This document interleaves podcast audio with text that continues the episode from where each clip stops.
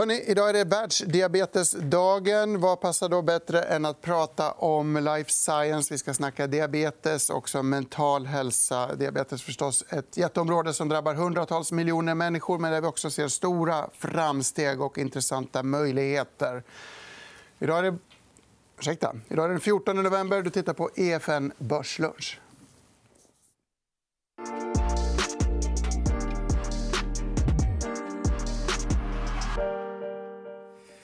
Ja, vi noterar en försiktig Stockholmsbörsindex handlas strax under nollan. Men som Gabriel redan har introducerat oss till så är det världsdiabetesdagen idag. Och då passar det bra med lite hälsovårdsfokus. Och det har vi med Mårten Sten och Ulrika Bjerke. Varmt välkomna. Tack. Tack. Ska vi börja då med att skjuta ifrån från diabetes och Eh, prata lite om det och världsdiabetesdagen idag? Ja, det kan vara eh, relevant att kommentera lite. Vad är diabetes? Och diabetes det handlar om att eh, kroppen inte kan få ut sockret från blodet in i cellerna. Och det är viktigt att poängtera att det är två olika typer av diabetes i marknaden. Och man skiljer på typ 1 och typ 2. Och typ 2 det är det man tidigare kallade sockersjuka. Och det är en stor marknad som växer kraftigt. Är det livsstils... Det är livsstilsrelaterat. Och det handlar om att kroppen har liksom mattats ut. Man har fått så mycket socker så att man, känsligheten för insulinet eh, har minskat. Och insulin det är det kroppsegna hormonet som måste finnas för att man ska kunna plocka ut sockret från blodet och in i cellerna. Och, eh, typ 2 har då liksom försvagat sin förmåga att, att ha känslighet för insulinet. Typ 1 det är en helt annan sjukdom. Det har ingenting med livsstil att göra. Men det handlar om att kroppen inte kan producera insulin. Och därför måste typ 1-patienter de måste hela tiden ta insulin utifrån. Och det är det som man då normalt har sett med sprutor. För, speciellt det uppträder ju i barn. Marta, du säger att det också är genetiskt. Men man brukar säga att den stora tillväxten eh, i sjukdomen är livsstilsbetingad, eller? Det, det, det stämmer. Epidemin som vi ser, har mycket att göra med vår livsstil. Absolut. Och om man ser till antalet patienter idag så är det uppe på nästan en halv miljard på jorden. Och det är en kraftigt växande sjukdom. Man pratar om en epidemi, och framförallt då inom typ 2. Men även typ 1 ökar. Mm. Och det kostar enorma mängder med pengar. Jag tror kostnaden är uppe på nästan 700 miljarder dollar om året. Dessutom så ger ju sjukdomarna eh, följdsjukdomar. Eller sjukdomen ger följdsjukdomar som också kostar pengar. Men det sker mycket framsteg. Och framförallt inom typ 1, som då är den allvarliga sjukdomen som inte är livsstilsorienterad. Där behövde man tidigare sticka sig i fingret och mäta sitt blodsocker. Men nu har ett par stora bolag i USA lanserat en liten sensor som man kan skanna istället när man eh, mäter sitt blodsocker. Och det är en otrolig livsstilsförbättring för eh, barnen och de vuxna. Och, eh, det har lett till att Abbott till exempel i USA har haft en fantastisk kursutveckling de sista två åren. Dexcom är ett annat bolag i USA som också har en sensor och har haft en väldigt god utveckling. Jag vill få in Mårten här. Jag vill fråga om ett annat bolag som har haft en fantastisk utveckling. är förstås Novo Nordisk i vår, i vår, på Köpenhamnsbörsen. Absolut. Också på grund av... Eh, Novo är ju i, i, på många sätt ett eh, diabetesfokuserat bolag. Väldigt renodlat sånt. Och, eh, där är det väl värt att nämna deras nya orala behandling av eh, GLP-1-peptiden. Man har lyckats göra den till en tablett. Och eh, den har nyligen blivit godkänd i USA och eh, de väntar på förhoppningsvis då ett godkännande även i Europa. Och det förväntas bli en väldigt stor produkt för Novo Nordisk. En blockbuster. Men då har vi framsteg både inom själva läkemedelsbiten och inom mätning och distribution av, av dessa läkemedel. Glädjande då för de hundratals miljoner som vi Absolut. lider med den här sjukdomen. Så... Mm. Jätteintressant. Vi kan väl nämna för tittarna att vi har pratat om diabetes förut. Sist vi snackade eh, hälsovård här i programmet så eh, berörde vi de här ämnena. Så sök i vårt arkiv och på den länk som finns på efn.se under den här sändningen så kan ni botanisera vidare. Ska vi ta en titt på dagens rapporter också? Våra trognaste tittare har inte missat att vi brukar titta på det varje dag. Mm. Här kommer de. Inte så mycket hälsovård idag. Det vara research. Då. Men vi kan väl nämna kort att Embracer Group, tidigare THQ, som vi pratade om senast igår kom en rapport som skickar upp aktien 7,5% Förstås intressant mot den oro kring räkenskaper och hälsa i dataspelskonglomeratet. Kul för THQ. Alltså en del intressant amerikanskt också i kalendern. Mm. Men Åter till hälsovård. Vi ska gå vidare från diabetes till mental hälsa i väldigt bred bemärkelse. Väldigt spännande och nytt område för oss. Men vi börjar i en bekant komponent, nämligen Alzheimer. som vi pratar om ofta här. Där har det hänt jättenyheter. Ja, det är ju höstens stora händelse. kan man säga. Och den största händelsen i läkemedelsindustrin, eller överraskningen skulle jag säga, på, på decennier. Och det var Biogen som återupplivade tron på ett projekt inom sin Alzheimerforskning. Man hade i princip lagt ner det, men när man tittade mer på den data som man hade samlat och pratade med registreringsmyndigheten i USA så, så beslöt man sig för att gå vidare med det här. Eh, man såg en undergrupp, en del av patienterna gav, eh, verkade ge effekt på. Och det skulle ju vara oerhört positivt för patienterna om, om det var någonting. Det är ju ett enormt medicinskt behov. Eh, och aktiekursen gick upp väldigt mycket. Vi kan väl kolla. Kursgrafen är, ja. säger mer än tusen ord i det här fallet. Väldigt volatil, får man väl ändå säga. Jo, men det var ju det att eh, fram till 2018 där, så, så låg det här projektet och man trodde på det. Sen när den här kurvan går ner så är det för att man eh, annonserade att, att det inte fungerade. Och sen har det gått den här tiden och sen då, nu så, så, så återtro, återfår man tro på det. Och då är det ju stora förväntningar. Eh, och, eh, men, men det finns också motstridig information i det här paketet med mm. klinisk data. Vi väntar på mer information senare i december. Jag vill fråga om BioArctic när vi har det här ämnet uppe. Den kursen har gått väldigt starkt. också. Hur ska man se på riskbilden? Du antyder att det är ganska riskabelt och osäkert fortfarande. Ja, Alzheimer är ju det område som är den stora kyrkogården vad det gäller läkemedelsutveckling. Och, eh, Eh, det här, hela den här hypotesen som man bygger de här projekten på har varit ifrågasatt. Och I princip så hade man sagt att den inte fungerar. Och nu har man återtagit den till viss del. Men det är enormt hög risk i den här eh, typen av utveckling. Och inom CNS generellt, men framför allt inom det här området. Har du någon Alzheimer-reflektion? Ja, alltså, den gängse teorin är ju att, att patienter får klumpar av eh, en peptid som heter beta-amyloid. Och, eh, då utvecklar man antikroppar som ska eh, lösa upp de här placken. Och, eh, som, som Ulrika är inne på så, så, har väldigt många antikroppar testats i, i klinisk utveckling. Och, eh, det, det, är först nu då med, med Biogen, om vi får eh, hoppas på, på, att de kommer hela vägen, som vi ser att, att man kan göra någonting åt de här placken och, och påverka symptomen i Alzheimers-patienterna. Och så, vad som var väldigt speciellt eh, för Biogens räkning var att de hade gjort två stora kliniska studier, fas 3-studier, som var väldigt snarlika. Och den ena studien läste ut positivt och den andra läste ut negativt. Och vad man då har gjort i sin eh, utvidgade analys är att titta på de patienter som har fått den högsta dosen och, och nått upp då i vad de kallar för terapeutisk dos. Och där ser de effekt. Mm. Och sen så har de haft en dialog med, med FDA. Eh, och FDA har, eh, har rekommenderat dem att lämna in en registreringsansökan. Så det blir spännande att följa. Väldigt spännande. Jättespännande och jättesvårt. Och det leder oss vidare till mental hälsa i bred bemärkelse. Jag, vi har diskuterat om att ha ett sånt här avsnitt tidigare när vi har träffats. Du var lite skeptisk, Mårten. Du tycker att det här är ett väldigt svårt eh, ämne att eh, närma sig. Begreppet CNS, alltså centrala nervsystemet, är centralt här. Berätta varför du eh, var tvekande. Eh, ja, alltså det är ju först och främst ska säga, det är stora medicinska behov eh, vi adresserar när vi jobbar med CNS-sjukdomar. Så det behövs absolut nya bra läkemedel mot den här typen av sjukdomar. Eh, men Samtidigt har vi sett att det är svårt att utveckla nya moderna läkemedel mot, den här typen av sjukdomar.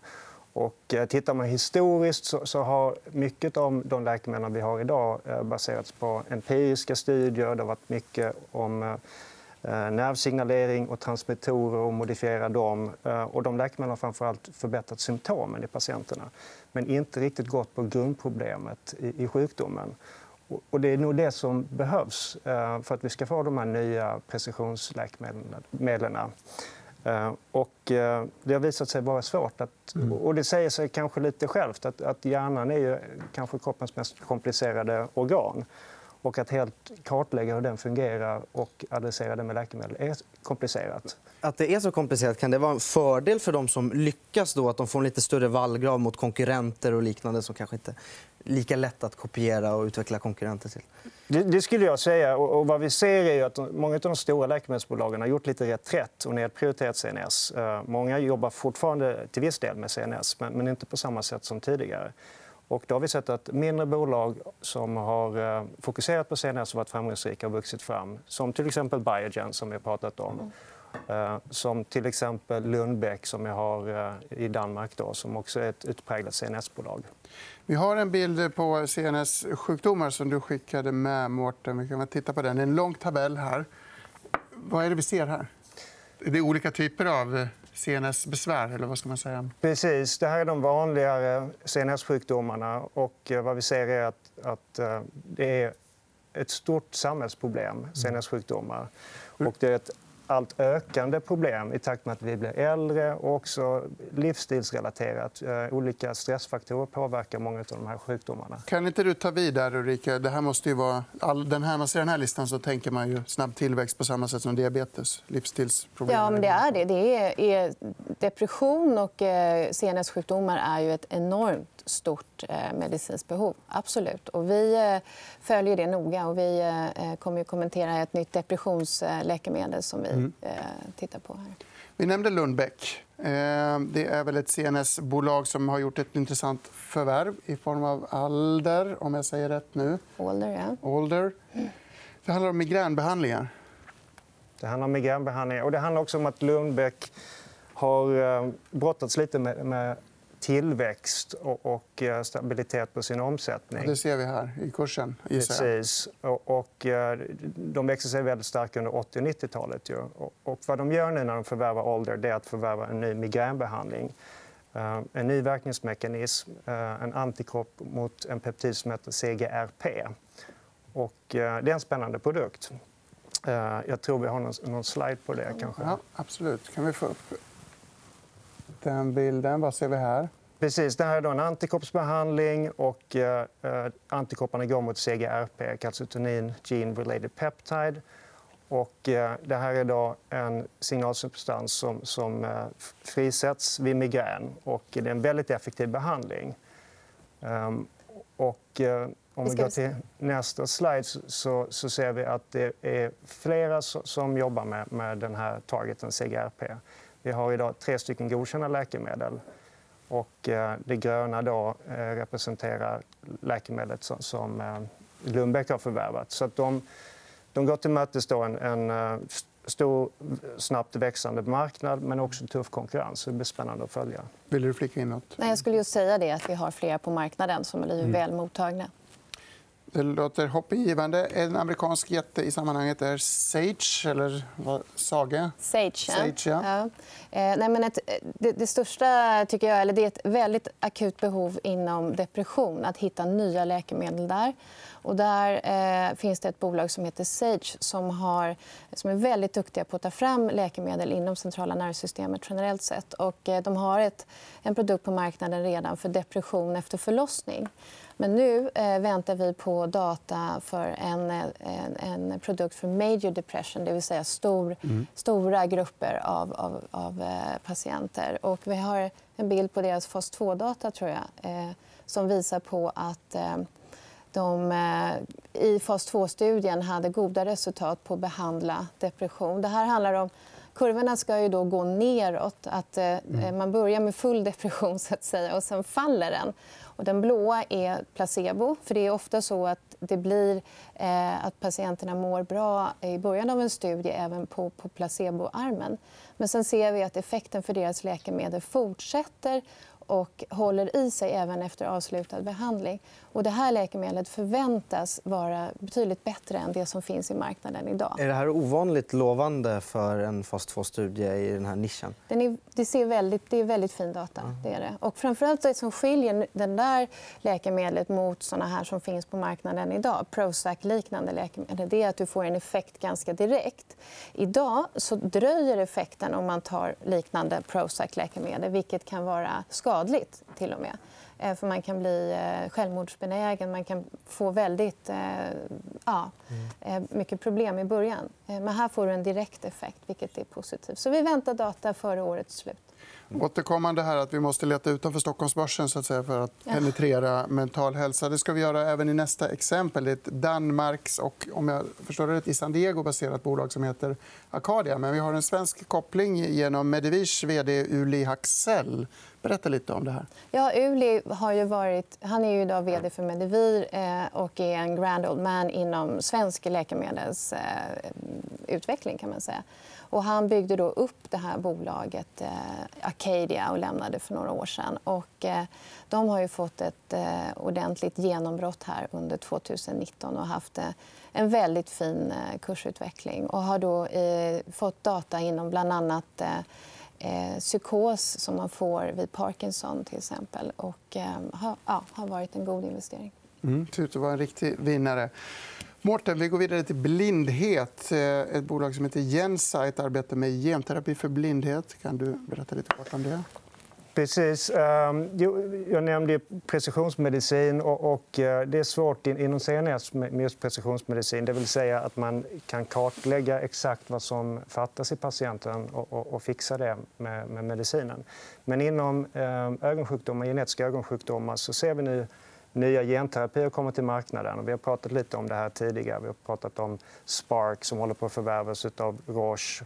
Mm. Uh, Nightstar har vi kanske inte nämnt. Det var ett bolag som Biogen förvärvade tidigare i år. Uh, och så vill jag också passa på att nämna ett uh, genterapibolag som vi har i vår portfölj som heter Gensight, publikt i, Frankrike. Mm. som är i fas 3 för en genetisk ögon, ögonsjukdom som heter LÅN. Så den, det bolaget lockar dig lite extra i den här nischen? Det gör det. Det känns inte helt eh, naturligt att ögonsjukdomar ska vara CNS. men Det kanske är min amatörbetraktelse. Men det är ofta hjärnrelaterat. Eller? Det, det är en bra invändning. Det, det, är, det är CNS på sätt och vis, men, men det är också en egen specialitet eh, i sig. Så att, eh, Alla får vara med. på båda sätt. Alla får vara med. Vi ska avsluta också på andra sidan Atlanten. delvis. Eh, kopplat till mental hälsa är den stora opioidepidemi som drabbar många länder, men USA särskilt. Orexo är förstås ett svenskt bolag vi pratar om ganska ofta med stort eh, hopp. kan man väl säga. Hur ser du på bolaget? Och kan du berätta lite för de tittare som inte har helt full koll på Subsolv? Absolut. Eh, Orexo är ett bolag som vi också har i vår portfölj och haft länge. Och eh, de jobbar faktiskt också med mental hälsa. De jobbar med missbruk och opioidberoende. Och eh, det är ett beroende som läkemedelsindustrin faktiskt gjort sig skyldiga till. Men vad vi ser nu är att det finns bra behandlingar för, medicinska behandlingar för, för opioidberoende. Och Orexo har det Subsolv på marknaden. Mycket fokus på, på att sälja i USA. Ehm, och vi börjar se att, att eh, de börjar växa sig starka. Ehm, bra försäljning. Ehm, och börjar också jobba med något som jag tycker är väldigt spännande här, eh, digitala terapier. De gjorde en deal med ett bolag som heter Gaia tidigare i höstas. Och, just KBT, som man gärna jobbar med när det är psykiatriska och beteendesjukdomar eh, lämpar sig väldigt väl för, för, digitala lösningar. Så Det tycker jag är väldigt spännande. Mm. Tack för... Avslutande reflektioner, Rickard. Det känns ändå hoppingivande. Det finns många spännande projekt inom inom även det här svåra området. Ja, och vi, vi ser att det kommer en ny våg. Eh, och precis som vi har sagt tidigare här i, i, i Börslunch så det beror på att man har större kunskap om biologin. Så det, vi vet mer, vi, kan vara, vi ser mer specifika behandlingar och eh, vi ser mycket i forskningen som kommer att komma även inom det här området. Mm. Och vet mer om CNS gör jag efter det här avsnittet. Ja. Jättebra. Hoppas att ni tittare också känner er lite klokare. Jätteintressant, tycker jag. Imorgon är vi tillbaka som vanligt. Då blir det graffest utan motstycke. Då kommer Micke Levin från Nordea och Jonas Thulin från Penser. Det blir svårbegripligt, det blir spännande, det blir framåtblickande och 11.45 som vanligt. Tack för idag.